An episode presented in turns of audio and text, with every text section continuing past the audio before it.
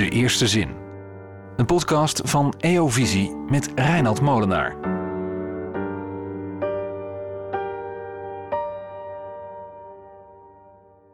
Het zijn maar stenen, zei ik tegen mezelf. Oude stenen, verweerd door de tijd. Hier en daar aangekleed door groen en grijs mos. Dat is de eerste en de tweede zin van het boek Winterpad van Gera Volkers. Gera werkte jarenlang als zorgcoördinator onder straatprostituees en ze schreef columns en had een eigen theaterproductie. Na een ernstige ziekte maakte ze haar droom waar en schreef ze haar eerste roman Winterpad. Vandaag is Gera Volkers bij ons te gast en mijn visiecollega Elsina Neutel schuift voor het eerst aan als sidekick. Welkom allebei. Ja, dankjewel.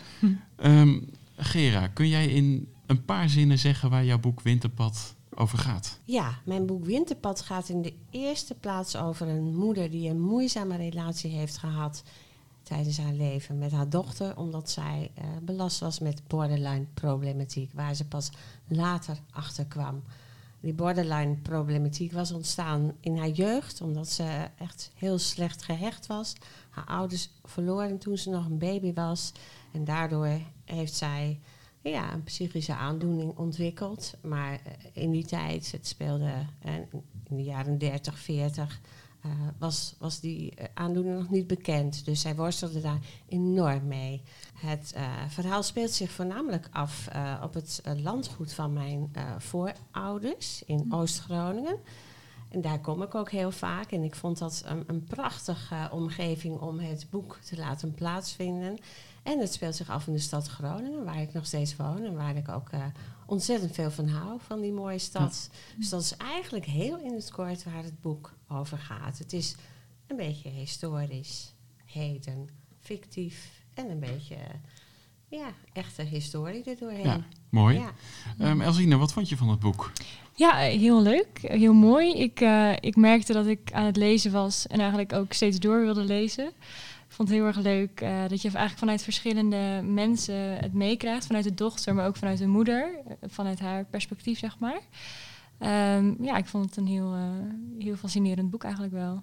Ja. ja. ja dank je. Um, Gera, kun je iets vertellen over de aanleiding? Hoe, waarom je dit boek bent gaan schrijven? Ja. Dat is een lang verhaal, nou, maar... Dat is eigenlijk best wel... Een, kijk, volgens mij zijn de meeste mensen die een boek gaan schrijven, hebben al heel lang een droom. Ik ga ooit een boek schrijven. Ik heb dat heel vaak gezegd, maar het kwam er nooit van. Veel te druk, te druk werk, gezin met vier kinderen enzovoort. Tot mijn leven stilgezet werd, omdat ik kanker kreeg, kanker in de mond. En dat was voor mij lastig, want ik ben een praatgraag mens. Ik praat liefst van s morgens vroeg tot s avonds laat. Wel tot vermoeienis van mijn omgeving. Dat was een lastige periode waarbij je echt gaat nadenken van oké, praten wordt voor mij uh, anders dan voorheen. Hè, dit gesprek is prima, maar ik kan dat een uurtje volhouden en dan moet ik echt rust nemen. In die tijd ben ik gaan nadenken van uh, wat, hoe kan ik mijn leven verder inrichten? Want ook mijn werk bestond uit praten. Wat ook speelde in die tijd was mijn zus die voor de tweede keer kanker kreeg en die daar niet doorheen kwam. Hè. Zij, zij werd terminaal op een duur.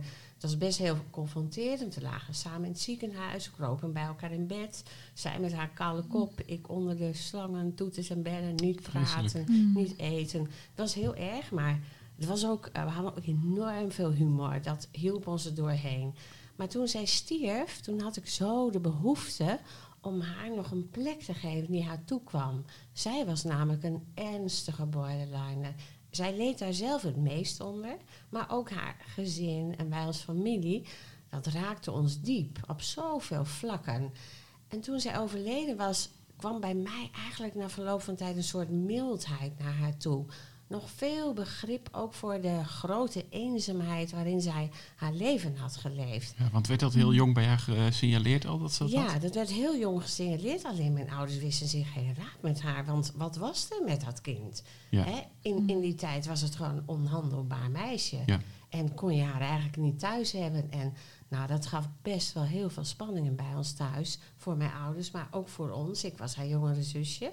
Ik had altijd het gevoel dat ik moest compenseren wat er misging. Oh ja. Hmm. Dus het had zoveel consequenties voor ons leven, maar nog veel meer voor haar leven. Ook voor haar toekomst, haar moeder zijn, de relaties die zij had met haar man, uh, wat ook misging, haar huwelijk en haar tweede man. Ik wilde haar, ik wilde haar verontschuldigen in een roman. Dat was eigenlijk mijn grote drijfveer. Ja. Zonder echt haar als hoofdpersonage te nemen. Want ik vond het niet leuk dat lezers zouden denken... oh ja, dat gaat over die zus van Gera. Ja, dus je Hmm. combineerde een Het, co- ik combineerde het. Ja. Hoe vond je het om het boek te schrijven? Hoe vond ik het? Ik vond het heel confronterend. Mhm. eh, omdat je zoveel tegenkomt. Maar vooral omdat je zoveel tegenkomt wat ik niet heb begrepen. Wat ik niet heb begrepen tijdens haar leven. Omdat je ook, hè, ik heb heel veel cliënten begeleid tijdens mijn werk bij het Leger des Heils. Moeders die ook met dezelfde problematiek kampten, met borderline. En ik wist er wel veel van. Maar toen zij overleed, begreep ik de grote eenzaamheid en de worsteling. Nou, ik vond het heel erg dat ik dat moest merken terwijl ik de roman aan het schrijven was. Ik had het liever eerder gemerkt. Dan kon ik er nog met haar over praten. En, en nou ja, haar in daar meer ondersteunen als dat ik gedeed, gedaan had. Ja, Ja, het vond ik echt, dat vond ik confronterend. Daarnaast vond ik het schrijven heerlijk. Ik kon mij zo lekker verliezen in de personages. Ik mag niet de hele dag door praten. Dus hoe leuk is het dan dat je twee werelden leeft, hè?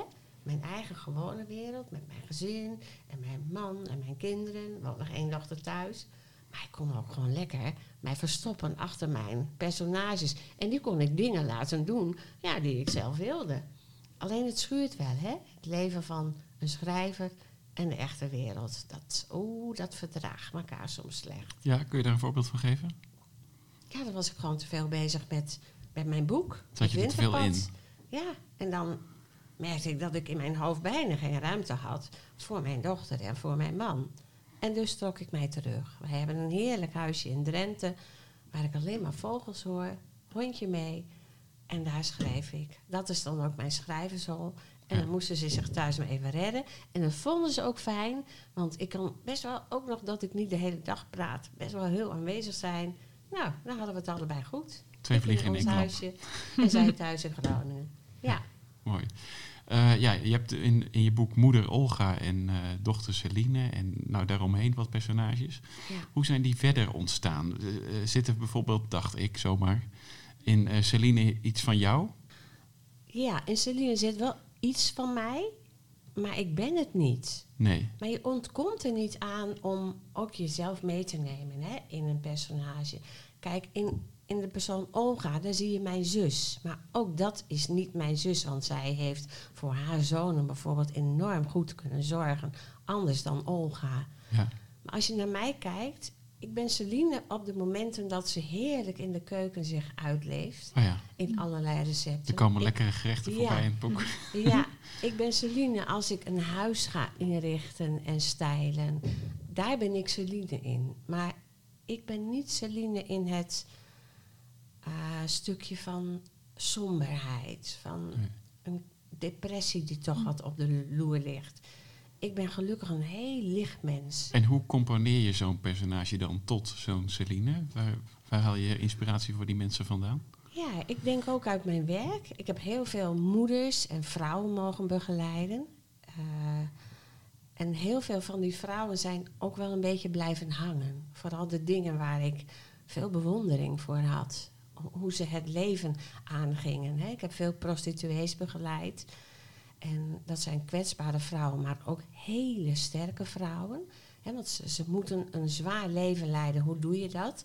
En ik heb geprobeerd om ook wat van die sterke dingen die ik zag bij die vrouwen ja, aan Celine te geven. Want zij moest dat leven wel leiden met die moeder die zo, ja, zo in zo'n stilte leefde en haar dochter meenam in die stilte.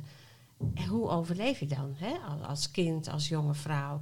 En dus een aantal krachten van die, die vrouwen die ik meemaakte tijdens mijn werk, die heb ik wel aan haar toegeschreven eigenlijk. Ja, ja. ja.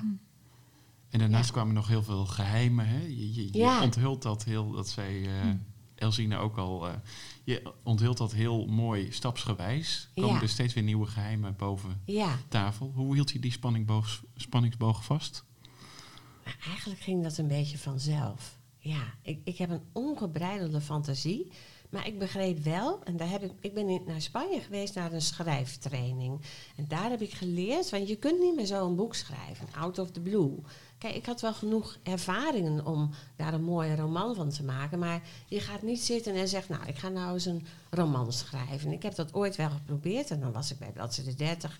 En dan dacht ik, dit gaat helemaal nergens over. En dit komt ook nergens op uit. Dus ik begreep wel dat ik een training moest gaan volgen om mijzelf beter, ja, een goede kant op te krijgen tijdens het schrijven. Dus ik ben lekker onder de Spaanse zon in Andalusië. Daar heb ik een week een training gehad. Gewoon in het Nederlands hoor, want Mhm. mijn Spaans is uh, minimaal. maar daar heb ik geleerd hoe je een schrijfplan moet maken. Eigenlijk het fundament voor een roman. En dat heeft mij geholpen om uh, de structuur vast te houden. De structuur om ergens te komen. En eigenlijk ook ja, de hoofdstukken en de scènes uit te schrijven. En de karakters uit te bouwen tot, tot, Hm. tot mooie karakters die groeien. En ook een plot er doorheen te verweven. En, en liefst twee. En wat, wat, wat eigenlijk mijn grote, ja, mijn grote opdracht voor mezelf was... Ik, ik wil ze verrassen, nog aan het eind. Het moet niet heel voorspelbaar zijn. Een beetje wel, hè. Je kunt een lezer niet alle kanten opgooien. Maar dat er toch nog iets gebeurt wat een lezer totaal niet verwacht... Ja, dat, eh, dat wilde ik graag. En volgens mij, als ik alle lezers hoor die het boek gelezen hebben... is dat gewoon gelukt. gelukt, Hoe ja. leuk is dat? Ja, Ja, Ja. dus het is, het is eigenlijk een beetje, beetje vanzelfsprekend gegaan. Hmm, dat is mooi. En als we nog even teruggaan naar de personages. Eh, je stelt borderline eh, problematiek aan de kaart in het boek. Ja. Eh, hoe hadden we dit kunnen weten bij Olga? Wat, welke bepaalde eigenschappen zouden bij ons een belletje moeten doen rinkelen? Ja, ik denk toch wel haar woede. Hè? Dat, dat er soms zomaar opeens momenten konden komen waarin zij exploseerde in, in woede-uitbarstingen. Die out of the, the blue kwamen voor de omgeving. Voor haarzelf niet, ook al kon Olga niet goed de vinger erachter krijgen waarom dat op een bepaald moment gebeurde. En dat herken ik wel van mijn zus. Mhm. Dat, dat, dat er, hè, je kon gezellig bij elkaar zitten.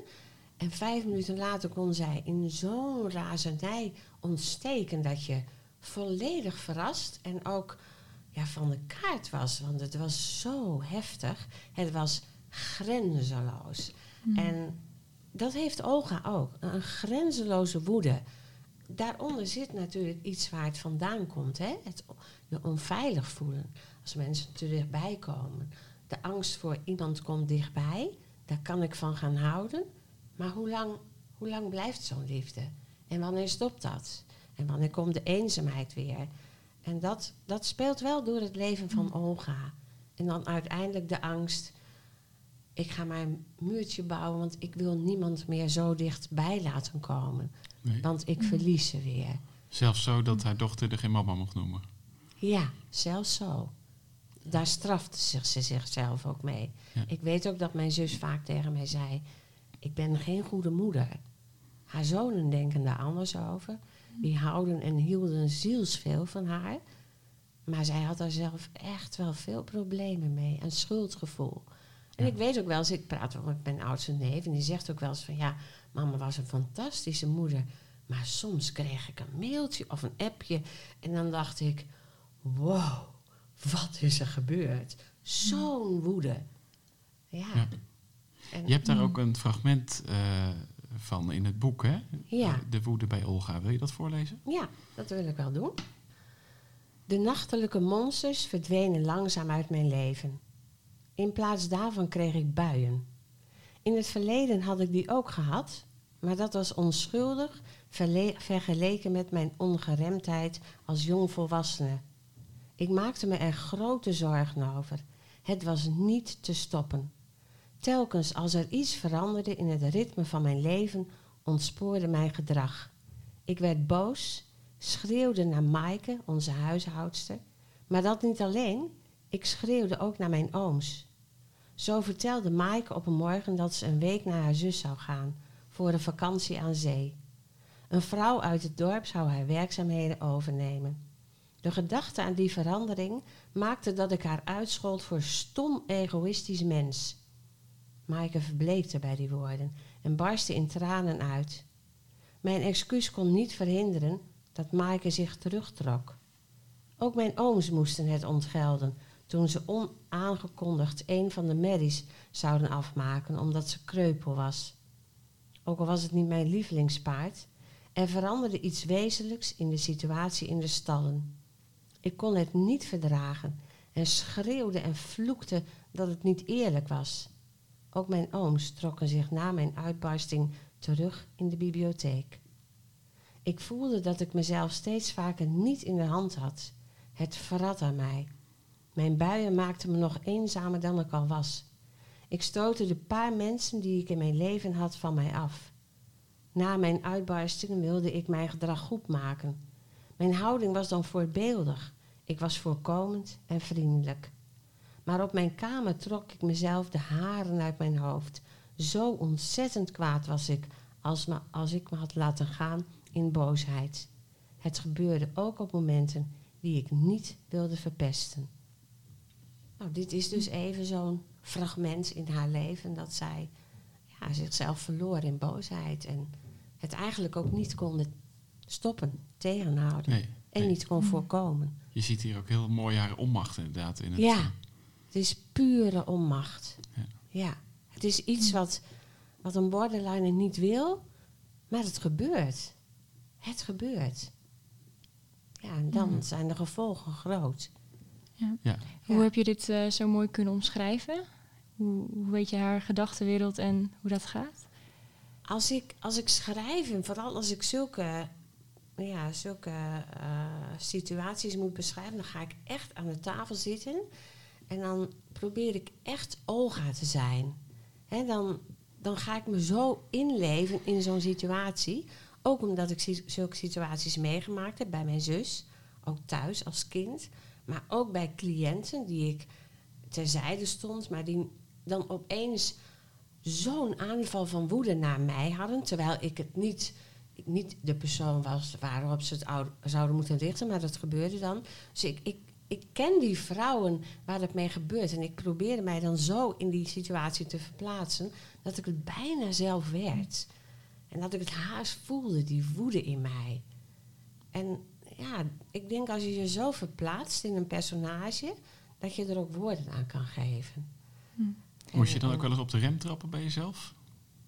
Jawel. Jezelf terugroepen? Ja, ik, ik kan ook wel boos zijn. Niet zo ongeremd, maar oeh. Mijn kinderen hebben dat wel eens gemerkt. Opeens flip ik dan uit de pan. Ik ga ook heel snel weer terug. Maar ja, een stukje van die boosheid, ja, dat heb ik ook wel in me. Ik ben wel Ja. een, eh, een fel persoon, ja. En transparant. En ja, soms botst dat wel eens.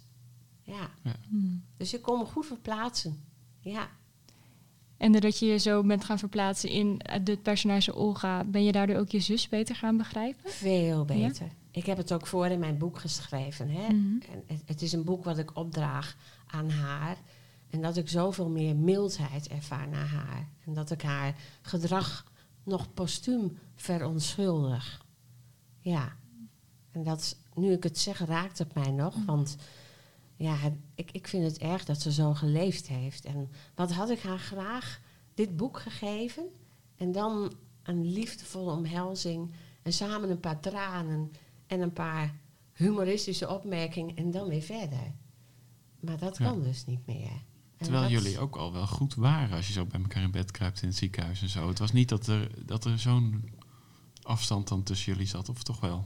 Ja, ik, ik had met mijn zus Joelsa echt een typische relatie die je met een borderliner hebt. En hoe een is die? relatie van aantrekken en afstoten.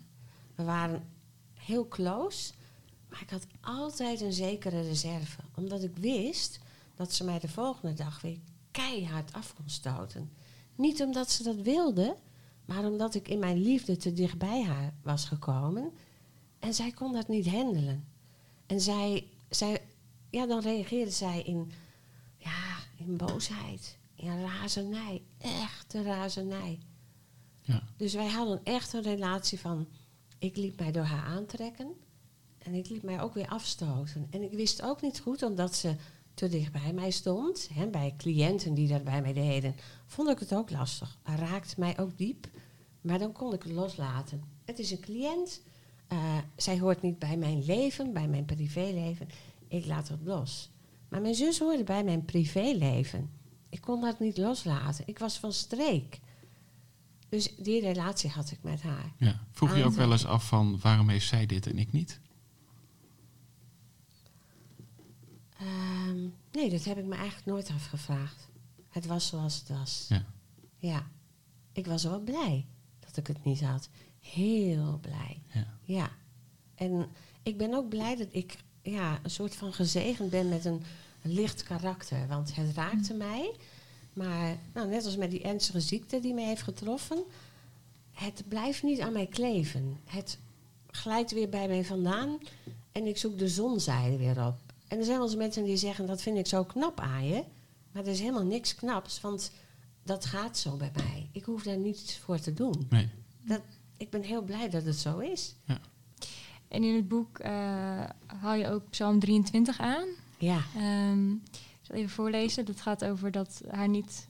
Ik zal niet ontbreken. Het is een andere vertaling die je daar gebruikt. Uh, kun, je, kun je ons vertellen waarom je dat hebt gebruikt in het boek of waar dit vandaan komt? Ja. Ik ben een christen, ondanks dat ik de laatste tijd wel zoekende ben. Ik, ben uh, ik kom uit een reformatorisch gezin, ongeveer 40 jaar ook naar een reformatorische kerk gegaan. Toen hebben wij de omslag gemaakt naar een, een baptistengemeente waar het heel anders toe ging. Waar het, het geloven ook ja, een andere manier van invulling krijgt. En uh, toen ik zo ziek werd, zocht ik, uh, zijn wij toch weer bij deze kerk weggegaan dat ik een rustiger plek zocht om mijn geloof te ervaren. Hebben we nog niet gevonden, maar we blijven doorgaan met het zoeken. Maar het geloof is wel iets wat bij mij hoort. En dus ik wilde geen boek schrijven wat een soort halve Bijbel is, hè, zoals veel christelijke auteurs doen, dat je eigenlijk het boek niet kan lezen zonder enige kennis van de Bijbel. Dat wilde ik niet. Ik wilde een boek schrijven wat gelezen kan worden door mensen die uh, de Bijbel kennen en christen zijn. Maar ik wilde ook een boek schrijven die gelezen kan worden door mensen die helemaal niet opgegroeid zijn met geloof en met de Bijbel. En toch heb ik geprobeerd om er iets doorheen te laten lopen als een ragfijne rode draad. En ik heb Psalm 23 gebruikt. En dat komt omdat mijn man een keer een voorganger hoorde over Psalm 23 en die gaf net die andere vertaling. He, als je kijkt naar mij zal niets ontbreken, nou dat is nogal wat. Hè? Vooral in de fase dat ik zo ziek werd, was, dacht ik, ja hallo, uh, mij kan niks ontbreken. Ik kan niet eten, ik kan niet praten, uh, ik heb uitzaaiingen, word ik ooit nog weer beter. Ik heb een zus die dood ligt te gaan. Hoezo, mij zal niets ontbreken? Dat is lastig hè, een hele lastige. Maar toen zei mijn man, je kan het ook anders lezen. Ik zal niet ontbreken. Dus wat er ook gebeurt in je leven, ik zal niet ontbreken. Ik blijf bij die kudde horen. Ik blijf bij die herder. Die zelfs een wat ongewillig schaap, die steeds een beetje aan de rand verkeert van de, van de kudde. Ik blijf erbij horen. Ik vond dat zo troostvol. Ik dacht, dat wordt mijn rode draad.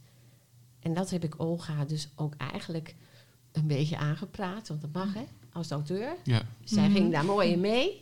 En ja, ook Olga wist, ik zal niet ontbreken. Ja. Ja. ja, dat komt heel, heel krachtig over ook in het boek, Ja. wat mij betreft. Ja. En ik ben bezig met deel 2. Die komt hopelijk halverwege volgend jaar uit. En daar speelt ook Psalm 23 weer een ragvrij rood draadje. Waarin je het weer vanuit een ander perspectief zit, eh, ziet. Niet, ik zal niet ontbreken als schaap, maar ik zal niet ontbreken als herder.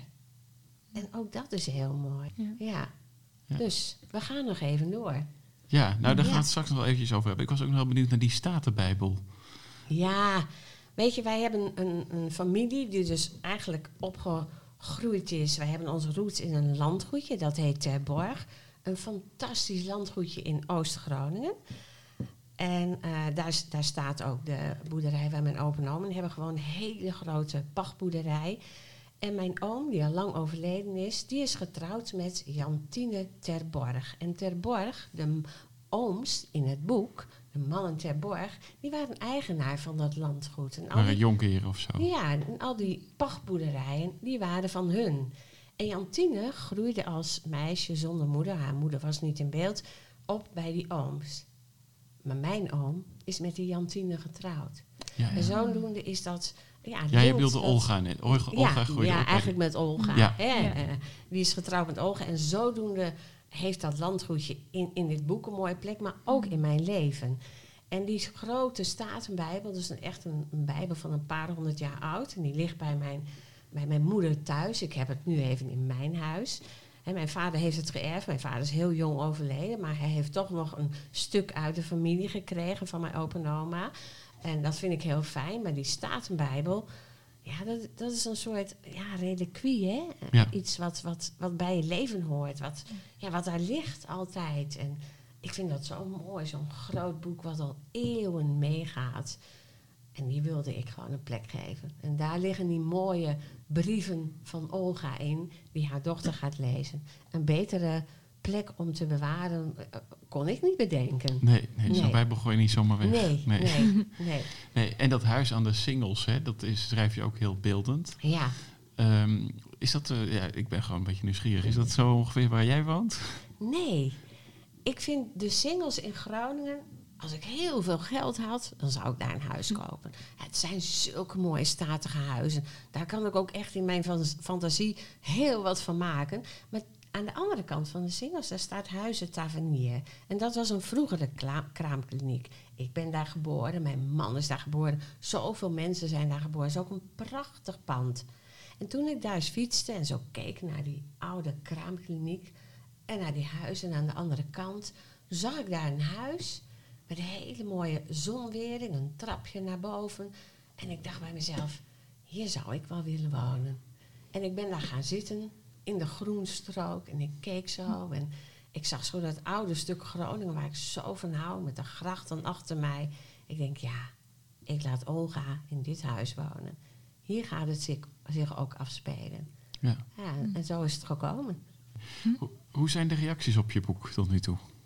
Ja, dit boek is nog maar twee maanden geleden uitgekomen. Ik ben een totaal onbekende schrijver in Nederland. En we gaan al richting de 500 boeken. Dat, dat vind ik best wel heel fraai. Maar ik weet niet of het nu stopt of dat het nog even doorgaat. Want ik hoop eigenlijk wel dat dit boek nog door veel meer mensen gelezen gaat worden. Want weet je, ik, ik lees best wel heel veel. Ook draken van literaire werken die ik dan van mezelf moet lezen. Of omdat ik op een leesclub zit. Noem Maar eens ik- wat. Ah, ik ben laatst begonnen met eh Ook maar Zonen van Peter Buwalda, wat toch echt een gerenommeerd schrijver is. Ik vind het moeilijk. Ik heb hem maar weer weggelegd. Hm. Ik ben nu bezig met eh, De meeste mensen deugen van Rutger Bregman. Nou, die vind ik al veel prettiger om te lezen. Daar kan ik wel mee. Ook verrassende inzichten, zelfs voor een christen. Prachtig. Maar weet je, ik, ik miste eigenlijk een beetje een boek die je pakt met een lekker glas wijn voor de open haard. Dat, dat was echt mijn bedoeling. Of het nou een literair werkje is geworden of niet, er zijn de meningen ook nog over verdeeld. Waar schaar je hem onder? Maar ik wilde een boek schrijven gewoon om je heerlijk te verliezen in een verhaal. Dat, dat was mijn bedoeling. En ik hoop dat heel veel mensen dit boek toch nog gaan vinden, omdat het gewoon een lekker boek is. Ja, toch? Ja, zeker. Hij, eh, hij leest heel lekker weg. Ja. En eh, hij is heel mooi.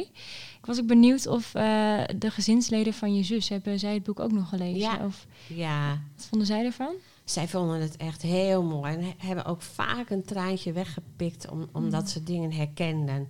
En ze waren heel blij dat Olga niet hun zus was. Mijn zus Jo Elsa. En dat, dat het toch een totaal andere vrouw geworden is. Maar wel die borderline problematiek. Ja, zij, eh, ze, ze voelde zich ook wel eh, echt eh, geëerd dat ik dit aan hun moeder heb opgedragen. En het komt haar toe. Het komt hun toe, die jongens. Ja. Ja, en je had het al over een vervolg. Ja. Kun je daar wat meer over vertellen? Nou weet je, ik heb ooit eens gelezen, als je een boek gaat schrijven en er komt een uitgever en die is, ik heb een hele leuke uitgever die mij benaderd heeft, want ik wou hem zelf publiceren. Ik denk, eh, geen gedoe, geen gerommel aan mijn boek en dat doet een uitgever, maar deze uitgever die hoorde ervan. Daar word je en- toch vaak wel beter van, hè? ja, ja, ja. Maar die hoorde ervan en ik ben met hem in zee gegaan met trippelboeken, Theo Veldhuis. En eh, ik, ik heb ooit eens gelezen van ja, als een uitgever met je in zee gaat omdat je een roman schrijft, dan moet je eigenlijk wel al een tweede onder deze roman hebben liggen. Want dat is gewoon interessanter. Hè? Ook voor de verkoop. Maar weet je, het was niet zo moeilijk. Want in mijn hoofd zitten denk ik wel 50 boeken. Het is net welke naar boven komt. En toen ik met eh, Winterpad bezig was, toen, ah, toen schreef het boek Vrouwenmantel, waar ik nu mee bezig was, begon zich al een beetje te schrijven. En nu ik met Vrouwenmantel bezig ben, ik ben al dik over de helft, dus dat gaat heel fijn. Nu ligt er ook alweer een derde onder te sluimeren. Zo werkt dat dus. Wauw. Ja, Ja. heel fijn. Gaat ook een beetje vanzelf. Nou, op Ja. naar de volgende 50 Op naar de eh, volgende. Ja, ja zeker. Bedankt, eh Gera. Ja, graag gedaan. Elsine. Dit was De Eerste Zin, de maandelijkse boekenpodcast van EO Visie. Bedankt voor het luisteren. Wil je meer inspirerende gesprekken over boeken horen? Abonneer je dan op ons kanaal en krijg iedere maand een update.